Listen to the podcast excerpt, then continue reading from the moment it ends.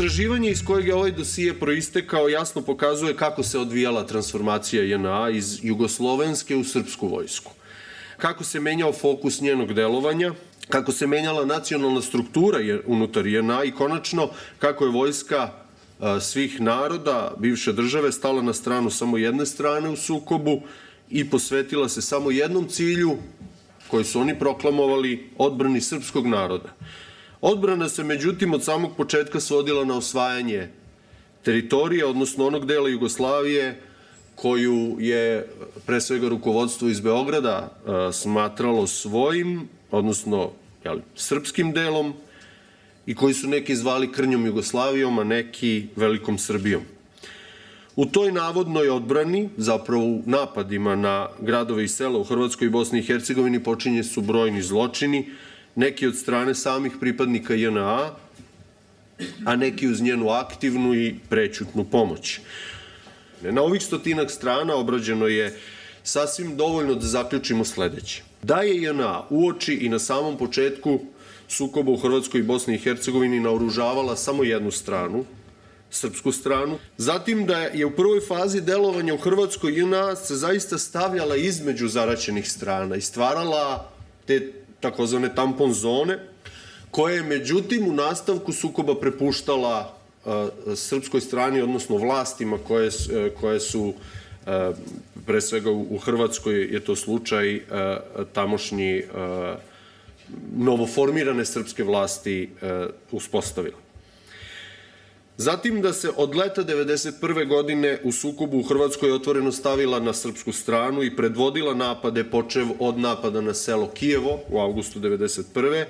i potom predvodila napade i naređivala napade nad sela u Kninskoj krajini Severnoj Dalmaciji, takođe u istočnoj Slavoniji i drugim delovima Hrvatske. Da su ta odsvojena mesta potom postajale deo teritorije zamišljene srpske države na teritoriji Hrvatske i da su ta mesta potom etnički očišćena od nesrpskog stanovništva. Zatim da je JNA u Bosni i Hercegovini ponovo u saradnji sa Srpskom demokratskom strankom za račun srpske strane u sukobu učestvovala u napadima i izuzimanju opština koje je političko vođstvo bosanskih Srba smatralo svojim, svojom teritorijom u Bosni i Hercegovini da su napadima na te opštine i u napadima na sele i gradove u Hrvatskoj učestvovali zajedno sa jedinicama lokalnih teritorijalnih odbrana, ali i srpskim policijskim i dobrovoljačkim jedinicama poput Arkanovaca, Šešeljevaca, Martićeve milicije, jedinica, e, Belih Orlova, Crvenih beretki i tako dalje. Da su se napadi najčešće odvijali po naređenjima oficira JNA i da su sve druge srpske jedinice tokom i nakon napada bile podčinjene JNA da su u tim napadima počinjeni zločini nad civilnim stanovništvom, ređe iz oružja i od strane pripadnika JNA, a češće od strane e, drugih jedinica od kojih sam neke pomenuo, tako što bi im e, JNA prepuštalo u ruke civile ili ratne zarobljenike, ne interesujući za, za njihovu dalju sudbinu i zapravo znajući šta će se sa njima desiti. Imamo mnogo takvih primera od Škabrnje preko Lovasa ili Vukovara, događaja na Ovčari i tako dalje. Zatim da je deo zarobljenika bio zatvoren u logorima u Srbiji i Crnoj Gori to je obrađeno u ovom dosijeu, logorima koje je oformila i kontrolisala JNA. I da je na kraju, nakon odluke o formalnom povlačenju JNA iz Hrvatske e, i Bosne i Hercegovine u maju 1992. godine, ta vojska ostavila oružje, municiju, tenkove, artiljeriju, vojnu opremu, i što je posebno važno, deo oficirskog kadra novo formiranim vojskama Srba u Krajini i Bosni i Hercegovini, prepuštajući im takođe u ruke i teritoriju i vojne položaje koje je JNA do tada držala. Tako je stvorena scenografija za vođenje rata, za činjenje masovnih zločina protiv nesrpskog stanovništva i etničkog čišćenja velikih delova Hrvatske i Bosne i Hercegovine, koje je srpska strana smatrala svojim. Jedan broj oficira je na osuđenju u Hrvatskoj zbog počinjenih zločina u toj državi, većina njih do duše u odsustvu. Pred Međunarodnim krivičnim tribunalom za bivšu Jugoslaviju suđeno je manjem broju oficira JNA, Miletu Mrkšiću, Veselinu Šljivančaninu i Miroslavu Radiću, Radić je oslobođen, ova dvojica su osuđeni za zločine na Ovčari kod Vukovara, kao i Pavlu Strugaru i Miodragu Jokiću za napad na Dubrovnik. Pred tim tribunalom u Hagu osuđeno je i mnogo drugih oficira JNA koji su u trenutku kad su počinili ili učestvovali ili naredili, organizovali počinjenje zločina, e, bili oficiri, uslovno opet rečeno, JNA sa promenjenim oznakama, ali su ostali na platnom spisku, prvo na platnom spisku JNA, kasnije a, Vojske Jugoslavije a, sve do kraja rata. Na primjer, oni koji su komandovali opsadom Sarajeva, Sarajeva generali Galić i general Milošević su iznikli iz te strukture JNA, oni su bili oficiri JNA. Na primjer, oni koji su planirali i sproveli u delo srebrenički genocid, bivši su oficiri JNA, od Mladića preko Tolimira Beare, Popovića i drugih. Opet, onaj deo JNA koji je nasledila Srbija, dakle Vojska Jugoslavije, je nastavio njima da daje e, plate i mnogi od njih danas su penzioneri e, Vojske Srbije. Primetit ćete kad budete, ako budete čitali, da se u dosijeu na više mesta pominje Ratko Mladić. Kroz njegov e, primer vidimo tu paradigmu e, o kojoj mi govorimo u ovom dosijeu. Njega uglavnom pamtimo kao oficira Vojske Republike Srpske, kao komandanta te vojske. Ali on jeste iznikao iz e, rata u Hrvatskoj. On je bio načelnik štaba, potom komandant 9. korpusa INA u Hrvatskoj, korpusa poznato kao, kao Kninski korpus. Njemu je u Hagu suđeno za zločine u Bosni i Hercegovini, ali nikada, osim u odsustvu u Hrvatskoj, nije e, bio procesuiran za zločine koji su e, počinjeni u, u, na teritoriji Hrvatske. A u ovom dosijeu se podsjeća na, njegu, da, na to da je on naredio vazdušni napad na Šibenik, E, tokom kojeg je najmanje jedna e, osoba poginula, oštećen veliki broj objekata e, i kulturno-istorijskih spomenika u gradu. Imao je svoju ulogu i u napadu na selo Kijevo, koje sam pomenuo, pomenuo Škabrnju, Nadin, zatim u zatočenjima Hrvata u Kninu i tako dalje. On je dakle svoju ratnu karijeru počeo u Hrvatskoj kao oficir JNA, a ono što je posle E, e, radio u e, Bosni i Hercegovini bio je zapravo samo logičan nastavak njegove vojničke i neki bi rekli zločinačke karijere. Ja sam a, na neki način zamoljen da kažem nešto malo o tome kako se taj proces događao, da podsjetim samo na neke političke i istoriografske činjenice o tome kako je Jugoslovenska narodna armija koja je za sebe tvrdila, a i druge su je uglavnom doživljavali unutar zemlje i izvan zemlje, da je neki integrativni faktor u Jugoslaviji i da je čuvar poredka i njegovih temeljnih vrijednosti, dakle e, ne samo revolucije, nego i ovih glavnih vrijednosti Titove epohe, kako je zapravo završila u tome da e, se raspadne, to rekao bih prvo, na različite dijelove, a onda da njen najveći dio, sticam okolnosti koje, o kojima ću nešto reći, se pretvori u srpsku vojsku. Ali to nije se desilo samo u e, Srbiji. Ja bih htio samo podsjetiti na jednu epizodu o kojoj je nedavno bilo riječi u e, hrvatskim medijima, da u istoj kasarni e, isto vremeno se kao oficiri JNA nalaze Milivoj Petković, Agim Čeku, Atif Dudaković i Momčilo Perišić. Dakle, četvorica najboljih drugova koji uskoro postaju najbolji neprijatelji.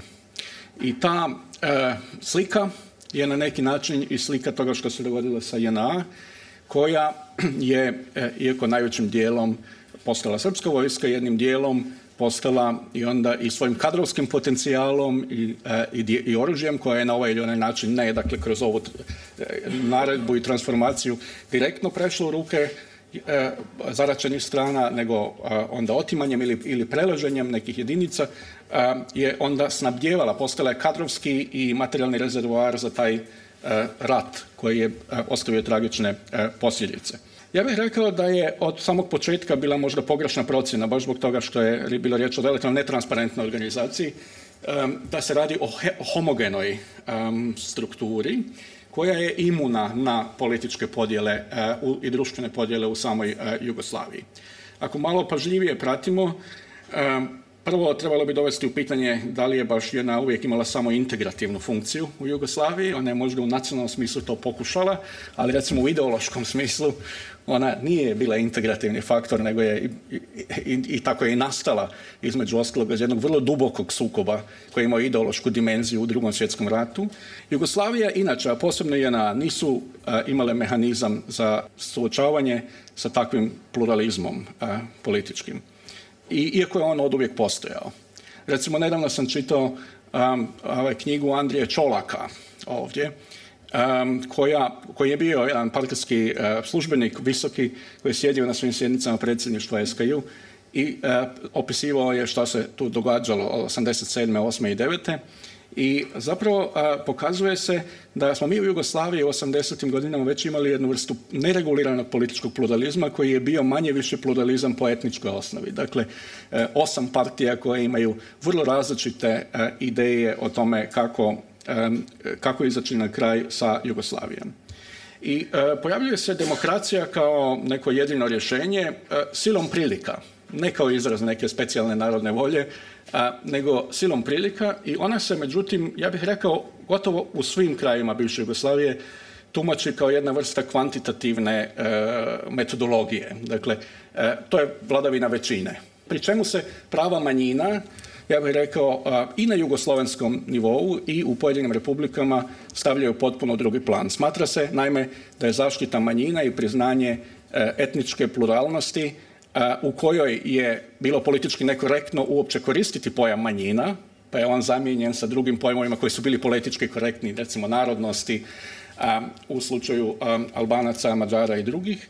Ta se ideja o zaštiti manjina i o autonomiji smatra odjednom socijalističkim, socijalistič, proizvodom socijalističke epohe koji treba napustiti. Tako se recimo riječ autonomija smatra odjednom potpuno neprihvatljivom. E, i riječ narodna se smatra neprihvatljivom, nego se uvodi ponovno e, pojam manjine, čak i tamo gdje se nikad nije koristio. Naprimjer, u slučaju Srba u Hrvatskoj se počinje govoriti o e, manjinama. Ja mislim da je tu bila ključna tačka preokreta. Pred JNA, kao i pred drugim saveznim institucijama, Savezom komunista i službama sigurnosti, bilo je pitanje koga zapravo u eventualnom predstojećem konfliktu između većine i manjina – treba štititi? Većinu ili manjine? I ja se bojim da je odluka bila, i to se pokazuje jednim dijelom iz ovog eseja i iz ovoga izvještaja, a onda i iz analiza stvarnosti, da su se sigurnosni aparat i politički odlučili za to da štite većine. Budući da u Jugoslaviji niko nije bio većina, nego su čak i Srbi bili samo 36%, nisu imali koga štititi u jugoslavenskim okvirima nego se kod svih stvarao strah da vladavina većine zapravo ugrožava njihova prava. I kod svih se pojavila jedna ideja koju bi se moglo jednostavno sažeti u rečenici zašto bi ja bio manjina u većoj državi kad mogu biti većina u manjoj. I ako ne mogu biti većina u manjoj jer nisam većina, onda treba sve da učinim da istjeram manjine ili da ih asimiliram ili da ih natjeram da postanu dio moje većine, a ne da ostanu autonomne e, manjine. I mi zapravo imamo u tom momentu u kome se zapravo državni aparat odlučuje da ne štiti više pojedinca koji je ugrožen od strane većine ili novog sistema ili države ili drugih nasilnika koji su mnogo moćniji, bilo snagom broja ili snagom nasilja, nego da se stavi na stranu te većine i da počne da napada i ugrožava manjine. To imamo ključni moment, ključni početak rata. Ovo je bio rat protiv manjina, gdje god su se one zatekle, i e, rat za konstituiranje većina tamo gdje ih nije bilo. Pri čemu je, ja mislim, u Srbiji e, došlo do, jednoga, do jedne potpuno pogrešne procjene, e, zbog toga što Srbija nije dobro poznavala Jugoslaviju, mislim da nisu ni Hrvati dobro poznali Jugoslaviju, nismo se dobro poznavali općenito, nismo se imali gdje upoznati. Nije bilo Saveznog ministarstva kulture, nije bilo Jugoslavenskog Erasmusa, nije bilo čak ni Jugoslavenskog ministarstva informiranja. To što smo odlazili u JNA da bismo tamo upoznali druge, to je A bilo nedovoljno, a B često smo vidjeli da su ti drugi zapravo a, onakvima smo ih vidjeli kakvima jesu, a ne onakvima kakav ideološki narativ govorio da jesu. Ja sam se prvi put suočio sa nacionalizmom, recimo, baš u JNA. Jer iako dolazim iz Hrvatske, ali sam prvi put vidio neke ljude koji su stvarno ozbiljni nacionalisti baš tamo, ne među oficirima, nego među svojim kolegama, e, drugima, 86. na 7. u Sloveniji. Budući što smo se slabo poznavali, Srbija je u jednom trenutku pomislila da je ona većina. I da je ona za Jugoslaviju ono što su Rusi za Sovjetski savez. I ono što su Česi za Čehoslovačku i ono što su Englezi za Britaniju.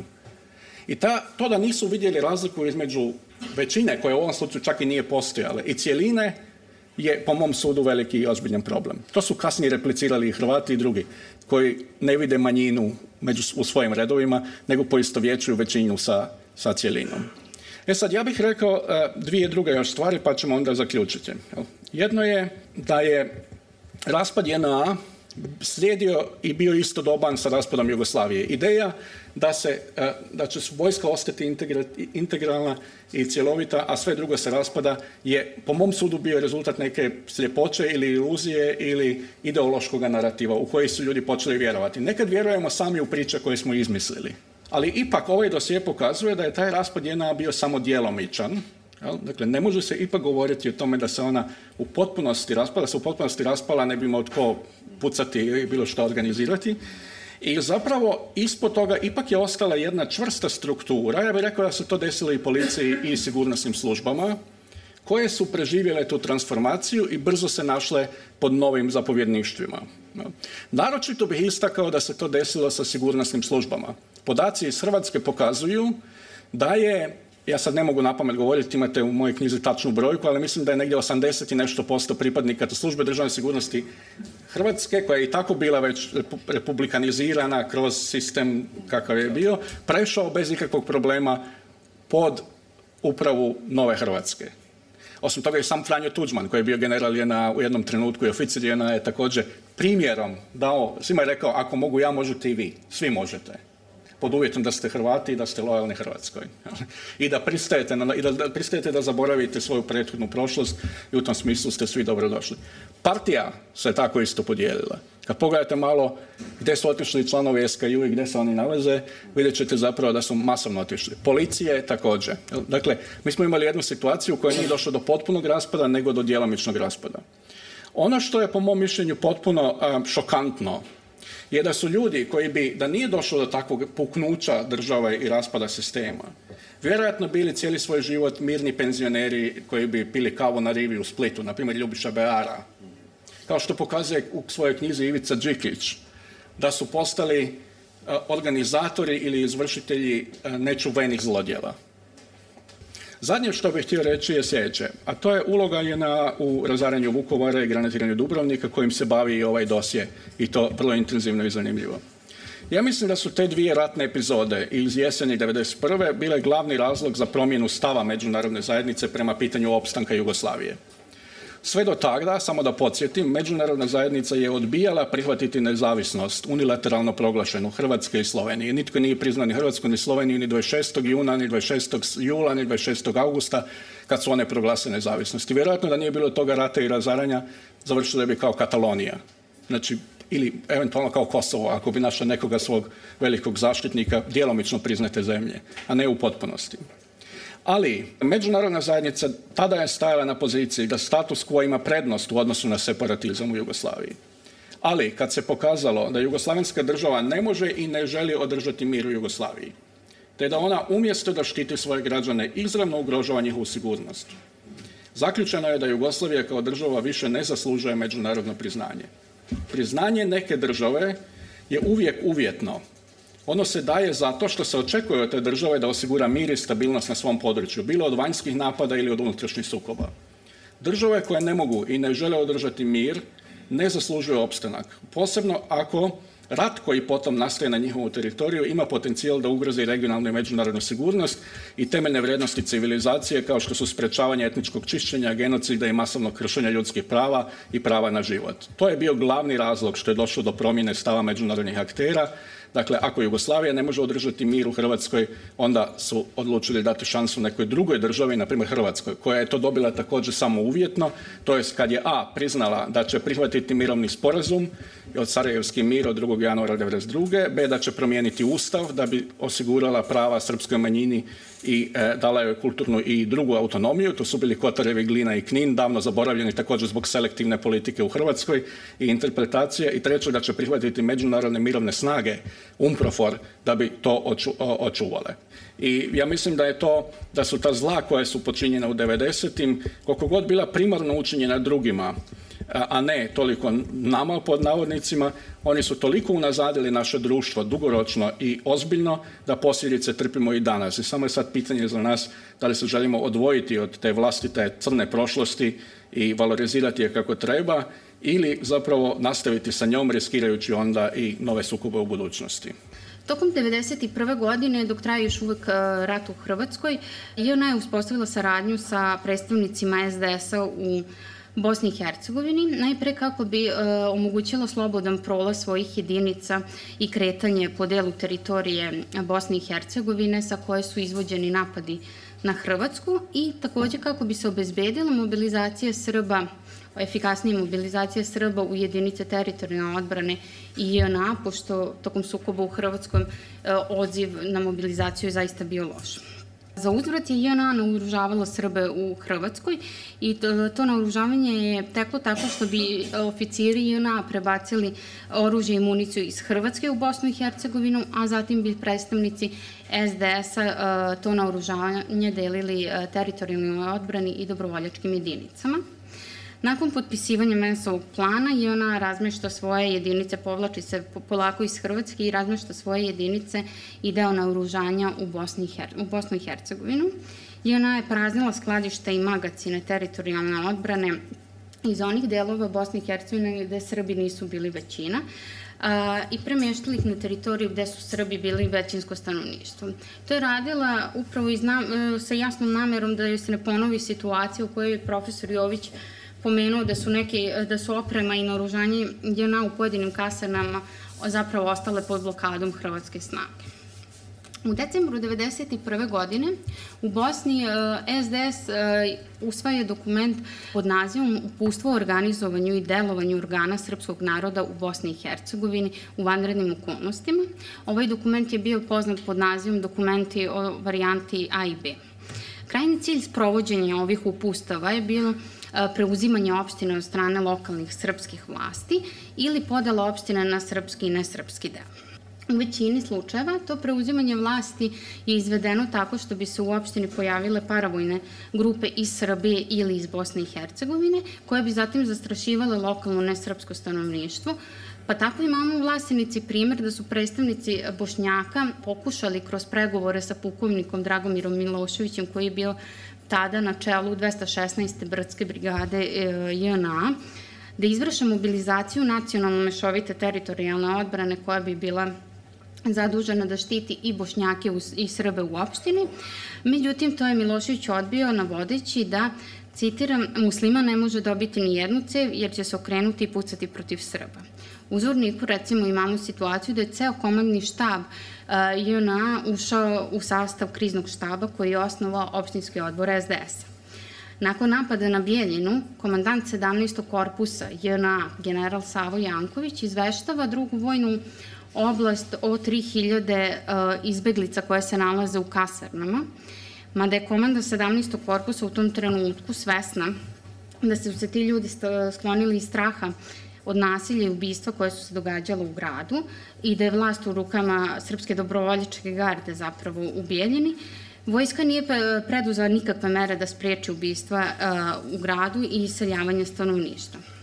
Znači, nakon preuzimanja vlasti u ovim opštinama i formiranja srpskih opština, je ona nastavila i dalje i u narednom periodu da naoružava srpske snage na području Bosni. Krajem aprila 1992. godine Milutin Kukanjac, tada komandant e, druge vojne oblasti, izdaje naređenje da se e, naoružanje, municija i oprema jedinica i sastava 10. korpusa je na izdaju teritorijalnoj odbrani Srpske opštine Bosanska e, Krupa. Preuzimanje vlasti u opštinama je rezultiralo iseljavanjem i protarivanjem nesrba sa tih područja. Nakon formalnog povlačenja JNA zapravo, srpske vojne i policijske snage su počinile brojne zločine nad nesrpskim stanovništvom upravo u tim opštinama u kojima je nasilno preuzeta vlast. Među tim jedinicama su bili delovi jedinica JNA koje su postale, odnosno transformisale se u vojsku Republike Srpske. Ono što je meni bilo najzanimljivije prilikom ovog istraživanja i što ja zapravo nisam nisam znala jeste da je glavni štab Vojske Republike Srpske zapravo bio glavni štab druge vojne oblasti Jugoslovenske narodne armije. Ja ću vam pomenuti samo dva imena koje su vam svima poznata, a to je da je zapravo komandant druge vojne oblasti JNA Ratko Mladić postao komandant glavnog štaba Vojske Republike Srpske, dok je Zdravko Tolimir, koji je bio načelnik bezbednosti u drugoj vojnoj oblasti JNA, postao načelnik sektora za obaveštajno bezbednostne poslove u glavnom štabu Vojske, Vojske Republike e, Srpske ne samo da je da je JNA pružala podršku u ljudstvu i u tom komadnom kadru i u toj strukturi, već je ona a, zapravo i svu onu vojnu opremu koju je imala na tom prostoru, a to su tenkovi, oklopni transporteri, municija, drugo naoružanje, logistička podrška, sve je to ostavila na prostoru Bosne i Hercegovine i stavila u službu vojsci, vojsci Republike Re, vojske Republike Srpske, što je zapravo dovelo do njene a, izuzetno velike nadmoći u odnosu na druge, druge strane u sukobu. Međutim, tu se ubrzo javio jedan a, problem, a to je pitanje kako će se regulisati status tih oficira koji su bili u JNA, a sada su u ove druge dve druge dve vojske. I onda je uh, Momčilo Perišić pritisnut uh, potrebom rešavanja tog problema 1993. godine uh, odlučio uh, da se formiraju 30. i uh, 40. kadrovski centar. Šta je zapravo bio cilj tih kadrovskih uh, centara? Cilj, cilj je bio da se uh, efikasno uh, premeste oficiri iz Vojske Jugoslavije u uh, vojsku Srpske vojske krajine i vojsku Republike Srpske, da se to uradi tajno i da se zapravo na taj način u javnosti održi taj privid i taj stav da Srbija ne učestvuje u ratu i da nema apsolutno nikakve veze sa sukobima u Hrvatskoj i u Bosni i Hercegovini, što zapravo nije bilo tačno, jer su oficiri Vojske Jugoslavije bili ti koji su bili na rukovodećim mestima u ove dve, u ove dve uh, vojske. U 30. kadrovski centar su upućivana aktivna vojna lica Vojske Jugoslavije a, u a, Vojsku Republike Srpske, aktivna vojna lica koja su bila upućena u Srpsku vojsku krajine bila su u 40. kadrovskom e, centru. I takođe još jedna od e, zanimljivosti i možda najvažnija stvar u postojanju i funkcionisanju ovih kadrovskih centara jeste bila ta što su svi oficiri glavnog štaba Vojske Republike Srpske bili zapravo oficiri Vojske Jugoslavije i koji su bili u 30. kadrovskom centru vojske, a to su Ratko Mladić, Zdravko Tolimir, Radislav Krstić, Vujadin Popović, Vinko Pandurević, Ljubiša Beara i Stanislav Gajić, Galić. Većina vas zna i većina ljudi je upoznata sa tim da su ovi ljudi bili optuženi i osuđeni pred Haškim tribunalom za ratne zločine koji su počinjeni na prostoru Bosne i Hercegovine.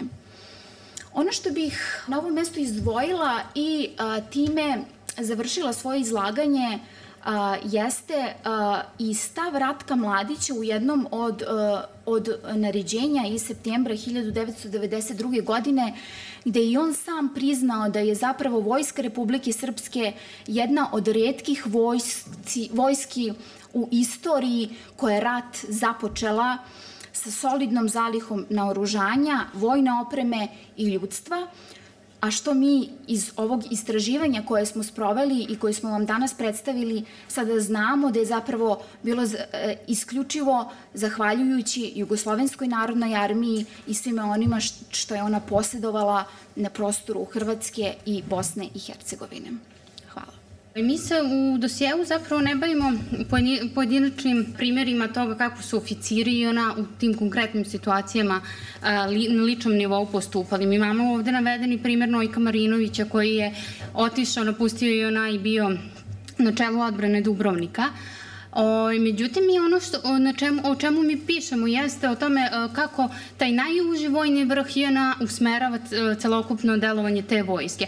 Odnosno, kada 5. decembra 1991. godine razgovaraju Kadijević, Jović i Milošević o tome da iz Bosne treba a, povući sve one oficire bo, koji su poreklom iz Srbije, a tamo uputiti sve oficire koji su poreklom iz Bosne kako bi kada se dođe do sukoba u Bosni i Hercegovini zapravo ta vojska bila spremna, odnosno ne bi, ne bi bila proglašena stranim elementom.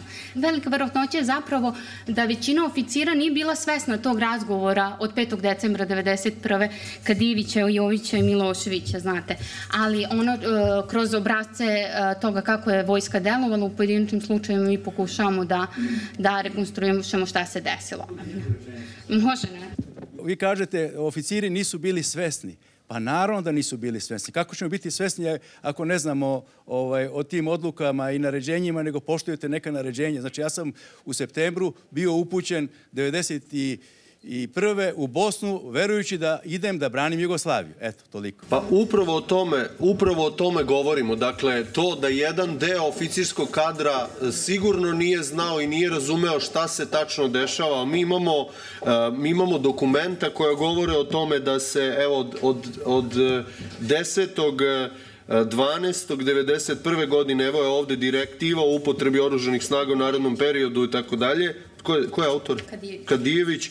Kaže, naše oružane snage ulaze u novi izuzetno značajan period, period realizacije krajnjih ciljeva zaštite srpskog stanovništva i tako dalje. Dakle, to je ono što je, mi govorimo o tome da je, bio, da je odluka bila uh, na vrhu takva i da i ostavljamo naravno mogućnosti svesni smo toga da mnogi uh, niži oficiri nisu o tome bili obavešteni otuda i mnogi od njih od, ostaju i na do maja 92 dok se ono ne povlači iz Hrvatske i Bosne.